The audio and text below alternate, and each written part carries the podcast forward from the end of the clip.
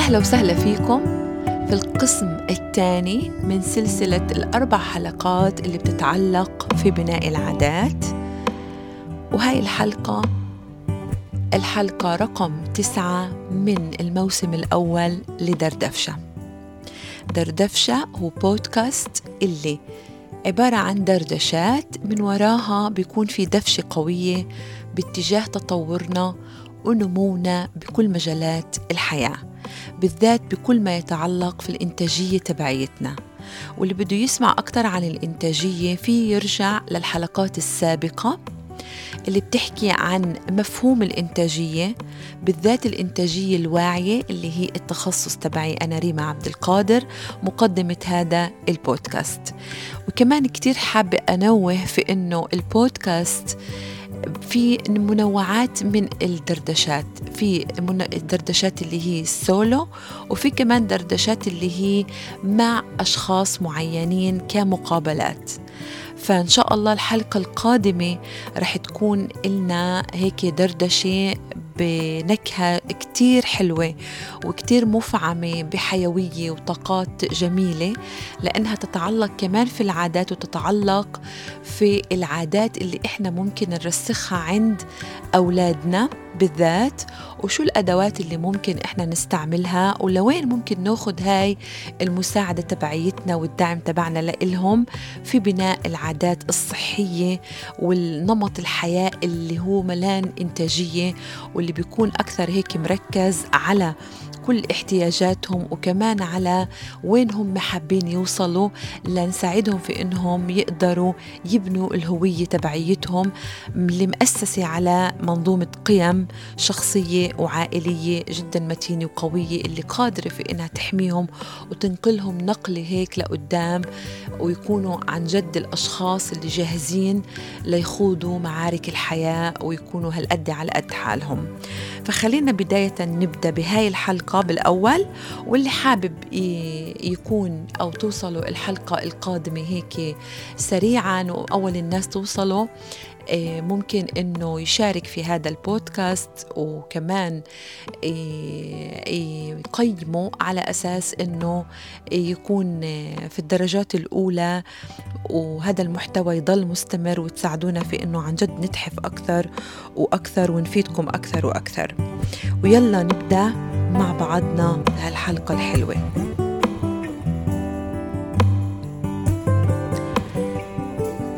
أهلا فيكم كمان مرة. هاي الحلقة هي استمرارية للحلقة السابقة بالحلقة السابقة للي آه، ما سمعها وطبعا أنا كتير بحب إنكم أنتم تكونوا هالقد مطلعين على كل الحلقات تبعت البودكاست زي ما حكينا كمان مرة عشان تقدروا عن جد تاخذوا كل الفائدة وتشعروا هالقد قد إيه هاي الحلقات بتساعدكم في النمو والتطور خطوة بخطوة إن شاء الله.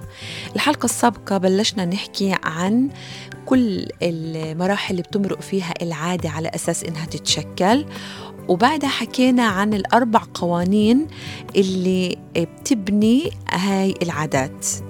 اللي هي كشروط على أساس إنها العادة جديدة تنبنى وإذا بنعكسها بساعدنا في إنه إحنا نقدر نتخلص من عادة سيئة أو معيقة للتطور تبعنا. خليني بس أذكركم بالأربع قوانين. القانون الأول اللي حكينا عنه سابقا هو كيف إنه إحنا نخلي العادة إيه، واضحة. إنه تكون واضحة وحكينا وشرحنا شو الآليات اللي ممكن نستعملها عشان نخلي هاي العادة واضحة. القانون الثاني اللي رح نحكي عنه اليوم بالذات تحديدا هو إنه كيف نخلي العادة جذابة. لا تقاوم. أما القانون الثالث رح نحكي عنه في الحلقات القادمة هو كيف نخلي العادة تكون سهلة والقانون الأخير كيف نخلي العادة تكون مشبعة. إذا إحنا بنجعل العادات بحسب هدول الأربع قوانين إحنا بنضمن إن إحنا نبني عادة قوية جدا ومتينة. وتعالوا نبدأ هلأ في القانون رقم اثنين كيف نجعل العادة اللي بدنا نبنيها أو نكتسبها أو حتى نصنعها ونشكلها كيف ممكن إنها تكون جذابة؟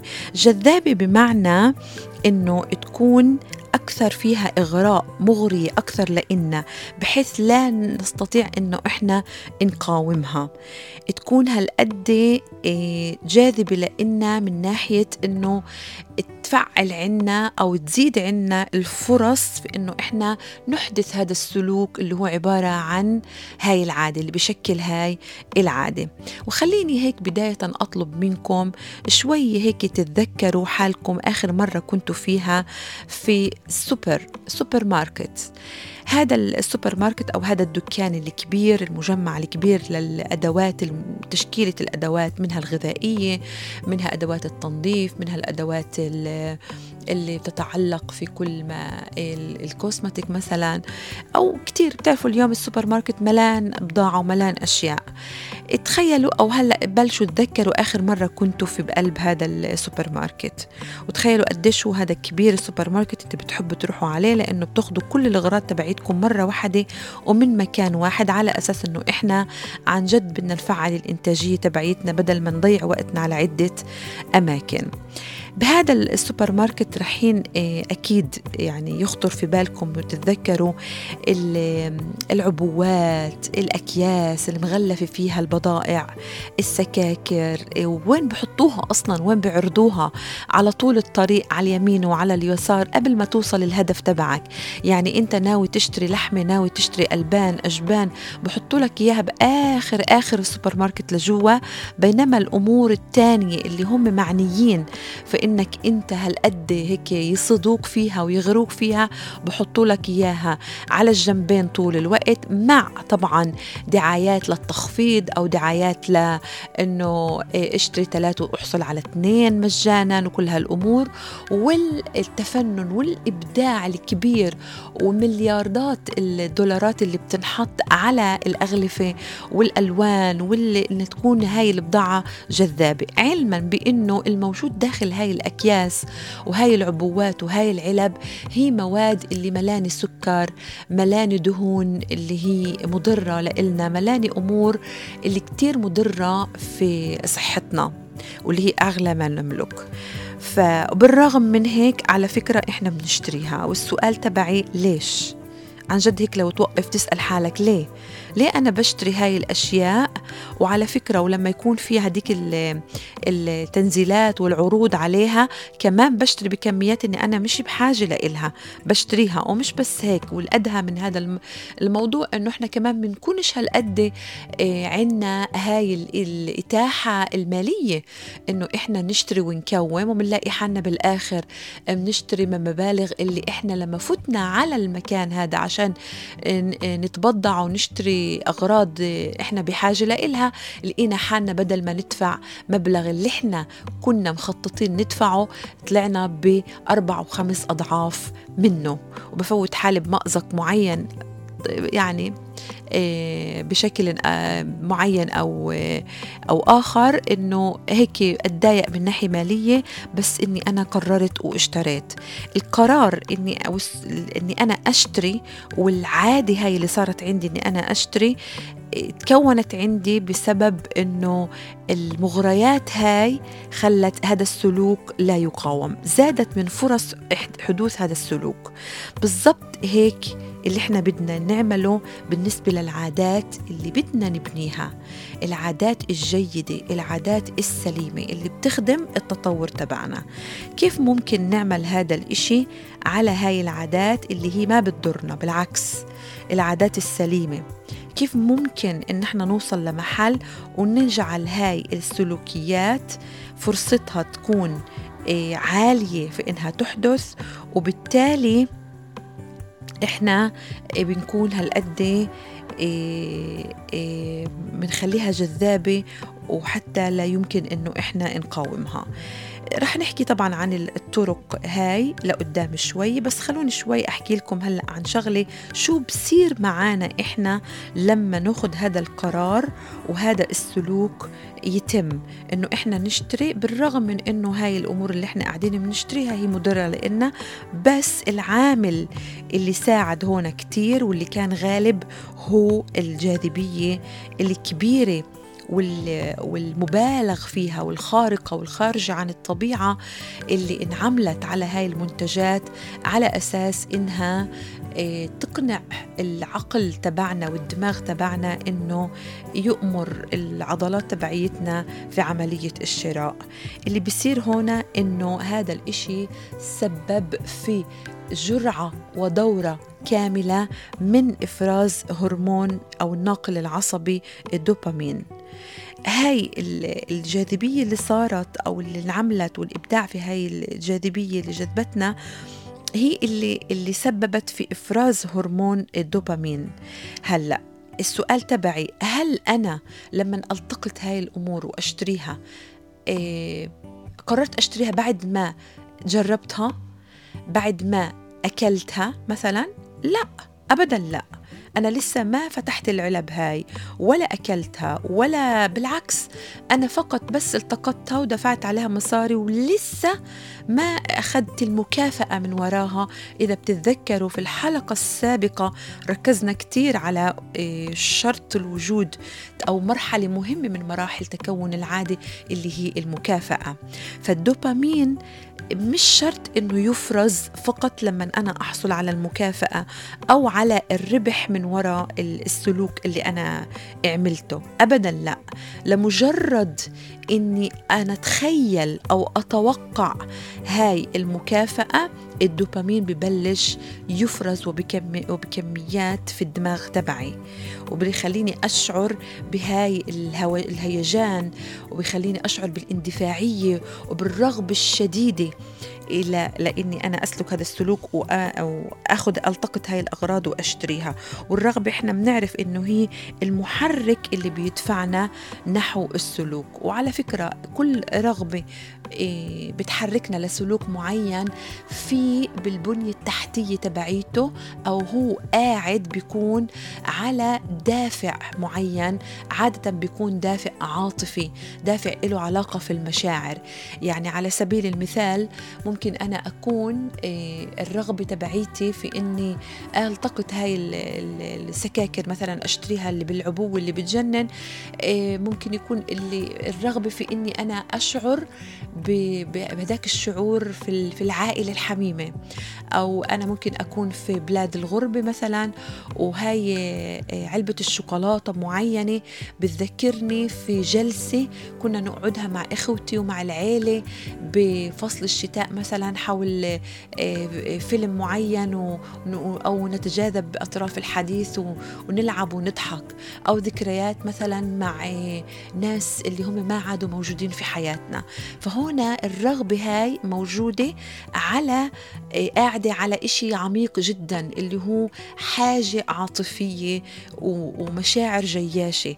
لهيك أنا بدي ألبي هاي الحاجة فبتنعكس عن طريق رغبة وهاي الرغبة بتصير تنقر علي على أساس أني أحركها أحرك سلوك معين وهذا السلوك بتزيد فرصه في أنه يتم.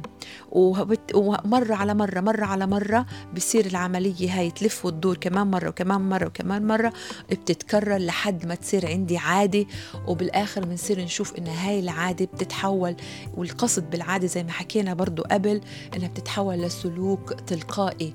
بالأوتومات بصير عندنا هذا السلوك. بدون حتى ما أشعر ما بشوف حالي إن أنا ماخذة هاي العلبة بدون ما أشعر بالمرة. باخدها وبدفع حقها وبجيبها وبحطها بالبيت. حتى في إلها مكان معين بحطه في البيت بدون بالمرة بالمرة ما أفكر حتى ولا أبذل جهد من التفكير ولا الطاقة كيف قمتها وكيف وفكرت وأخذت وعطيت بالتفكير. إذا كمان مرة المعلومة المهمة هون بدنا نركز عليها هي إنه الناقل العصبي اللي هو الدوبامين اللي طول الوقت بربطوه في المتعة بربطوه في الشهوة بربطوه في الأمور اللي هي آه، تتعلق فقط بالأشياء اللي هي مادية والأشياء اللي بتبسطنا والأشياء اللي بتعطينا آه، الاستمتاع والأشياء اللي بتخلينا نشعر هيك بقمة الشهوات تبعيتنا والغرائز تبعيتنا. أبدا لا هو مسؤول عن كتير شغلات على فكرة عدا عن هيك زي الذاكرة مثلا على قدرات للتعلم كتير أشياء والمحفزات برضه هو مسؤول. وكمان هو موجود في العقد القاعدية وين ما بتتكون العادات وين ما, بت... ما بتتخزن السلوكيات لما انها تتحول لعادات. فالدوبامين عادة مربوط في السلوكيات التلقائية الموجودة عنا لهيك تذكروا منيح منيح الدوبامين مش بحاجة إني أنا إنه هو يفرز لما أنا إيه، إيه، أفعل إيه، الجاذبية أو أفعل الجاذبية على أساس تعطيني مكافأة. يعني وأجرب الإشي اللي أنا بدي أقوم فيه بعد ما أقوم فيه هذا السلوك أو هذا الشعور أو هذا التفكير اللي أنا السلوك اللي بدي أتعود عليه. ابدا لا. هو ممكن يفرز بس لما اني أتوقع هاي المكافأة. تمام؟ وطبعا وين بتوقف الدوبامين عن الإفراز؟ لما اني أتوقع مكافأة وبعد ما يتم السلوك هذا على الآخر أكتشف إنه ما في مكافأة. ساعتها هون بيوقف الدوبامين وببطل يفعل عندي هاي الرغبات وبالتالي الحلقة هاي بتنقطع وهنا العادة بتنكسر ببطل أعرف أنا أستمر فيها وهاي واحدة من الأمور اللي آه، بتصير معنا لما أنه إحنا نبدأ نعتاد أو بدنا نبني أو نشكل عادة معينة وفجأة نوقف نوقف ليش؟ لأني أنا تغاضيت وتجاهلت المكافأة.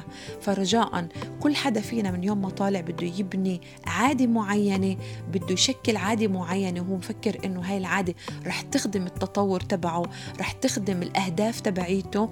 رجاء ركزوا على المكافأة وما تتنازلوا عنها. تمام؟ لأنه الدماغ تبعنا مش غبي. الدماغ تبعنا بده المكافأة تبعيته عن طريق الدوبامين. إذا هاي الشغلة كتير مهم إنه إحنا إيه نفهمها لأنه الدماغ في البداية توقع المكافأة بالنسبة له أو المكافأة نفسها بتعامل معها بنفس الطريقة. بالنسبة له هي نفس الوضع. تمام؟ هم التنتين بحفزونا إنه إحنا نعمل العمل أو نعمل الفعل هذا أو نقوم بهذا السلوك. ولكن احذروا إنه المكافأة هاي بالآخر مهم إنها تكون حقيقية ونحصل عليها بالفعل على أساس إن إحنا نخلق حلقة جديدة من إفراز الدوبامين. وهكذا لحد ما العادة عندنا تصير أصيلة وتصير موجودة في المخزن تبع العادات إيه، وتنعمل تلقائيا. بعد هيك. لحد هلأ. بتأمل إنها تكون هاي الفكرة وصلت لأنها هي الأساس تبع القانون الثاني إنه كيف ممكن نجعل العادة جذابة لا تقاوم على أساس إنه إيه نساعد نفسنا في إنه نبنيها بطريقة هالقد قوية وهالقد متينة. وطبعا كتير مهم إنه إحنا نتذكر ونرجع للكلمات اللي حكيناها كمان في الحلقات السابقة بإنه بناء عادة جديدة إيه، أو اكتساب عادة جديدة أو تشكيل عادة جديدة هو عبارة عن تغيير بالسلوك. وإحنا بنعرف أنه تغيير السلوك يتكون من ثلاثة مستويات من ثلاثة طبقات. الطبقة إيه، الأولى الكبيرة أو القشرة هي النتائج وإحنا بنسميها كمان الأهداف. بينما الطبقة الوسطى هي الفعاليات والنشاطات والسلوكيات اللي بنقوم فيها. ممكن تكون على مستوى المشاعر أو على مستوى السلوك الفعل العمل آه، أو حتى على مستوى الأفكار. كليتها هاي عبارة عن نشاطات. أما النواة تبعت أو الطبقة النواة تبعت التغيير السلوك أي سلوك بدنا نغيره هي هو عبارة عن الهوية تبعيتنا. وكل ما كانت العادة مربوطة في الهوية تبعيتنا أكثر في العمق تبعنا كل ما ساعدنا هذا الإشي على بناء العادة.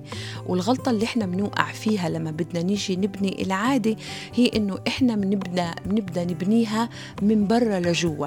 يعني بنركز على الأهداف وبعدين هاي الأهداف بنحولها لفعاليات وبعدها من بجوز نوصل للهوية تبعيتنا.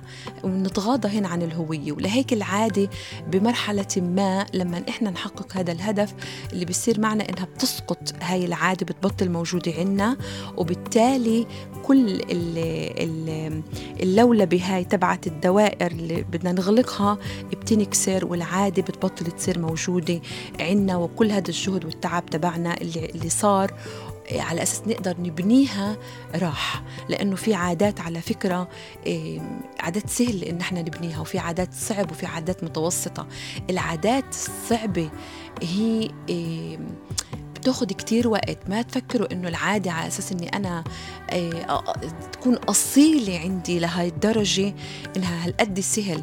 يعني بضحك عليكم اللي بقول لكم إنه آه فيك أنت تبني عادة مثلا لنمط حياة صحي من إنسان اللي هو كان كتير مهمل بصحته إنسان اللي هو معرض حاله للسمنة لأمراض و و و وسنين طويلة يجي بخلال شهر شهرين حتى سنة سنتين ثلاثة يحصل على النمط الحياة الصحي وللأبد. أبدا لا أبدا. يعني إحنا بدنا نعتبر هيك تعالوا تخيلوا معي إن هالعادة هي نبتة. العادة اللي بدي أبنيها أنا جديدة هي عبارة عن بذرة وهاي البذرة بدي عشان أنا أحولها لشجرة عملاقة وجذورها كتير متأصلة جوات التربة هالقد. متأصلة جوا بالعمق بدي أرعاها بطريقة كتير عميقة وشوي شوي. والله واسم الله زي ما بيحكوها على أساس إني إيه، أبني هاي البذرة.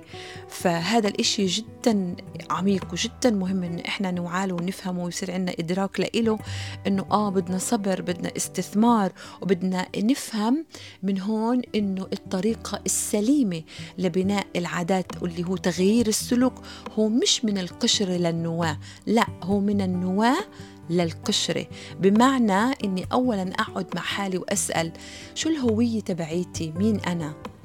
شو مين أنا؟ شو بدي أنا من هاي العادات؟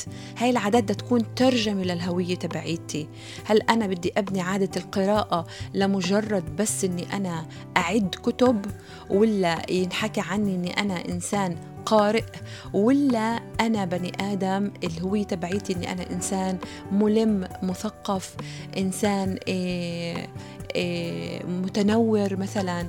فأنا بدي أفهم أول إشي مين أنا؟ شو الهوية تبعيتي؟ على ضوء هيك ببني العادة وعلى فكرة بيكون أسهل علي بكتير إني أبني العادة. أما إذا بركز من البداية على الأهداف الأهداف رح تحد من التقدم على المدى البعيد تبعي. لأني لما أوصل للهدف خلصنا. هاي السلوكيات اللي أنا مارستها وصلتني للهدف نزلت للوزن اللي أنا بدي إياه أو وصلت لشكل الجسم اللي أنا بدي إياه. خلص. فإذا هين أنا بوقف. لما أنا هين بوقف مش راح أكمل. فأنا هن بحصل على شو؟ على جرعات دوبامين اللي فقط بتشعرني في المتعة وفي الأمور السعادة الآنية واللحظية. أما الرضا والسعادة اللي هي آه، تتعلق في, في الهوية تبعيتي مش رح تكون موجودة. فانتبهوا كتير على هذا الموضوع لأنه هو الأساس أصلا هو الأساس قبل ما نبدأ في كل القوانين اللي ممكن تكون متوفرة في أي عادة. أول إشي بدي أشوف إنه هذا التغيير السلوك بدأ من الهوية تبعيتي بعدها انطلق للفعاليات هاي من الهوية انبثق عندي الفعاليات والخطوات وبعد هذا كله أصلا لحاله راح يحقق لي مش بس هدف وهدفين راح يحقق لي كتير أهداف بدون حتى ما أنا هالقد أكون مركز عليها. الهدف هون إنه إحنا نركز على السيرورة نركز على النظام اللي راح أتبعه والنمط اللي رايح يكون آه، اتخذه في حياتي. هلأ الشغلة اللي كتير مهم بعد هيك نفهمها إنه توقع زي ما حكينا قبل حصول الحصول على المكافأة هو اللي بحفزنا على إنه إن نقوم بالفعل هذا أو الأفعال هاي. فعشان هيك كل الأمور اللي أنا حكيت عنها لحديت هلأ هي كتير متعلقة في بعضها. فتعالوا هيك ناخذ هلأ زي نصائح عملية تطبيقية كيف ممكن أنا أفعل الجاذبية وأخلق عادات اللي هي لا تقاوم. تعالوا بداية ناخذ هيك مثال. وخلينا هاي المرة ناخذ مثال إيه ما بدنا ناخذ عن الرياضة ناخذ مثال أكثر عن كيف ممكن نبني عادة إلها علاقة في التأمل مثلا. إني أنا بدي أبلش أبني عادة التأمل أو عادة الامتنان.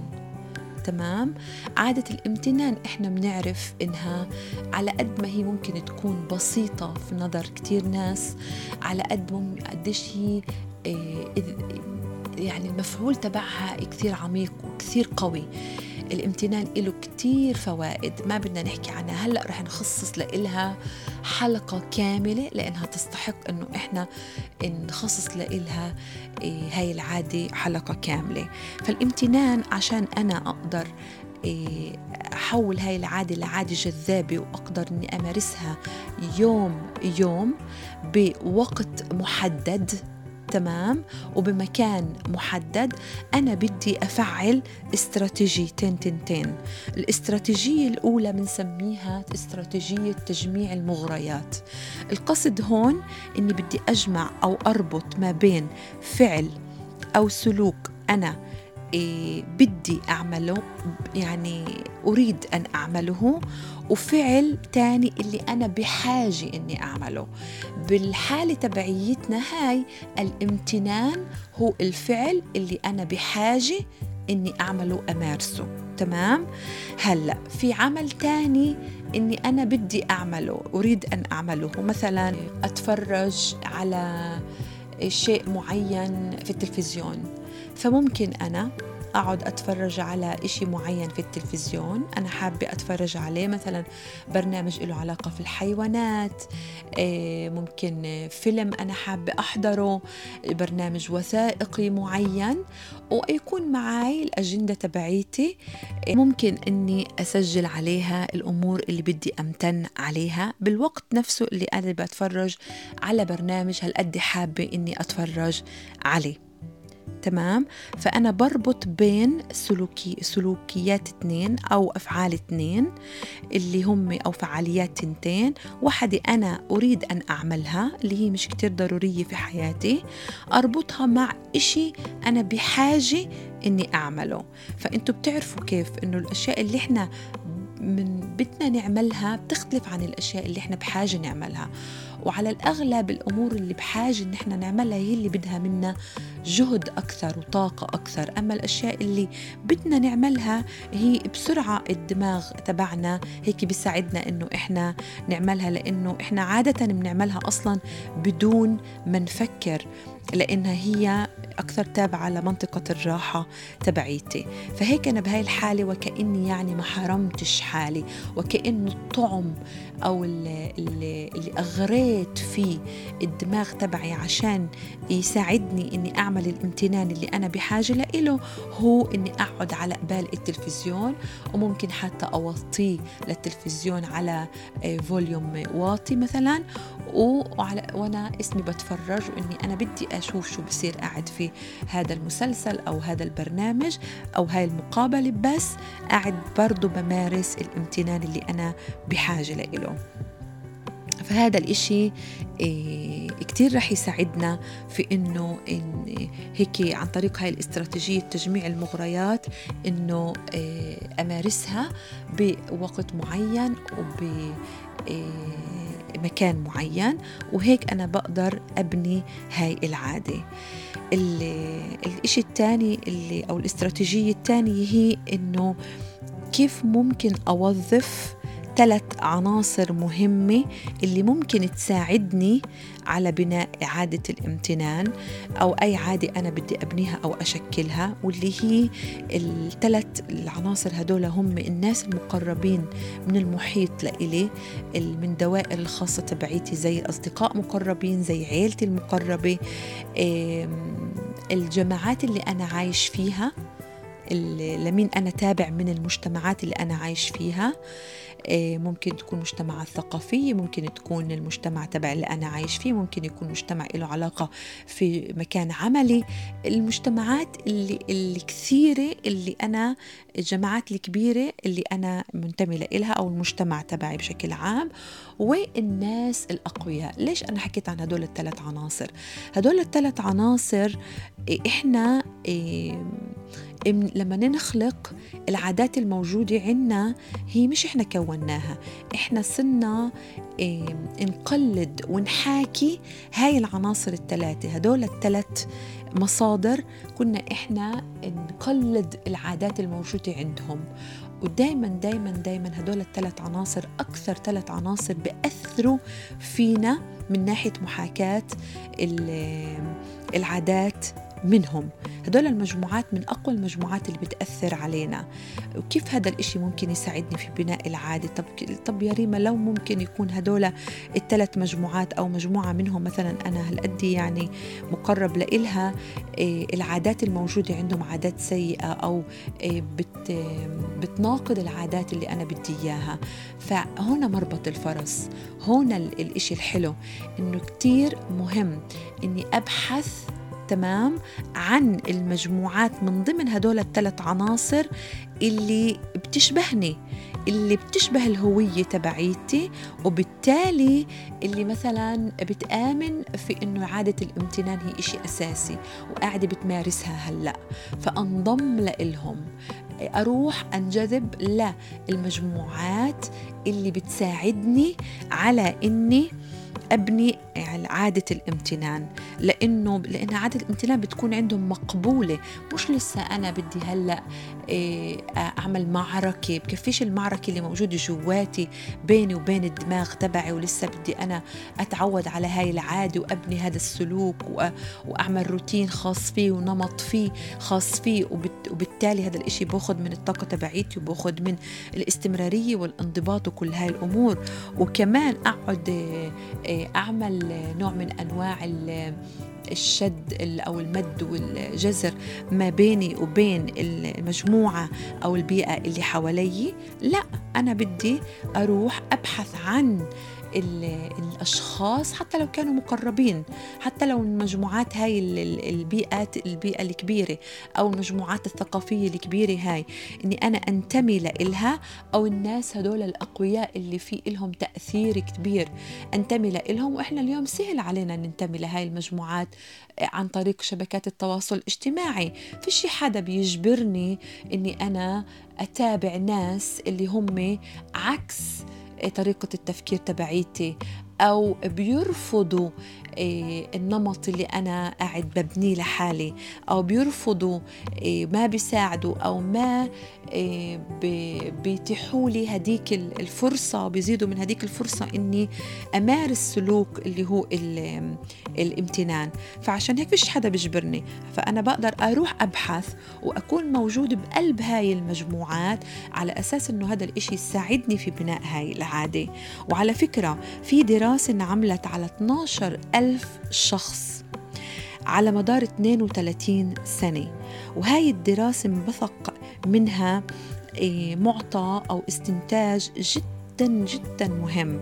واللي بيقول بأنه بتزيد فرص الإصابة بالسمنة عند الأشخاص ب 57% بتزيد فرص الإصابة بالسمنة عند الأشخاص ب 57% لما يكون الأصدقاء المقربين لإلهم هم بالفعل عندهم سمنة.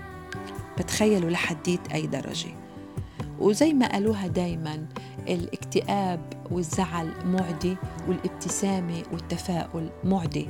فعشان هيك أنتوا ابحثوا عن هاي المجموعات أو مقربين أو من مجموعات العامة والكثيرة هاي المجتمعات اللي فيها كثار ناس أو الناس الأقوياء والمؤثرين ابحثوا عنهم. فوتوا بقلب هاي الحلقات وهاي المجموعات إذا هي تشبه الهوية تبعيتكم وقاعدة بتمارس هاي العادة مثلا أخذنا على سبيل المثال الامتنان ممكن يكون أي عادة تانية. وعشان هيك على فكرة آه، مثلا بنسميها آه، إحنا الجروب كوتش اللي إحنا بنعملها أو مثلا ان نشتغل على تغيير سلوك إحنا كمدربين شخصيين. إحنا الهدف تبعنا بالآخر نحن نحصل على تغيير بالسلوك تبع المتدربين والمنتفعين الموجودين عندنا فممكن إن إحنا في واحدة من المستويات اللي إحنا بنتعامل فيها ك كمدربين شخصيين هي إن إحنا بنتعامل مع مجموعات تدريب صغيرة ليه؟ لأنه آه، عن طريق المجموعات هاي ممكن يكون التأثير كتير كبير وفي تسريع في عملية تغيير هذا السلوك وتثبيت حتى لهذا التغيير وبيكون هالقد صحي وهالقد متجه بطريقة آه، سلسة وبطريقة اللي تخدم الهوية تبعت هدول الناس اللي بالمجموعة لأنه بيكون في عوامل اللي هي مشتركة وفي تقاطع ما بين هاي الهويات آه، الموجودة الأشخاص الموجودين في المجموعة. وكمان برضو حتى المجموعات اللي لها علاقة في النزول في الميزان أو الطلوع في الميزان أو المجموعات اللي لها علاقة في الرياضة أو مجموعات مثلا قراءة كتب أو مجموعات ثقافية أو مجموعات لهوايات معينة.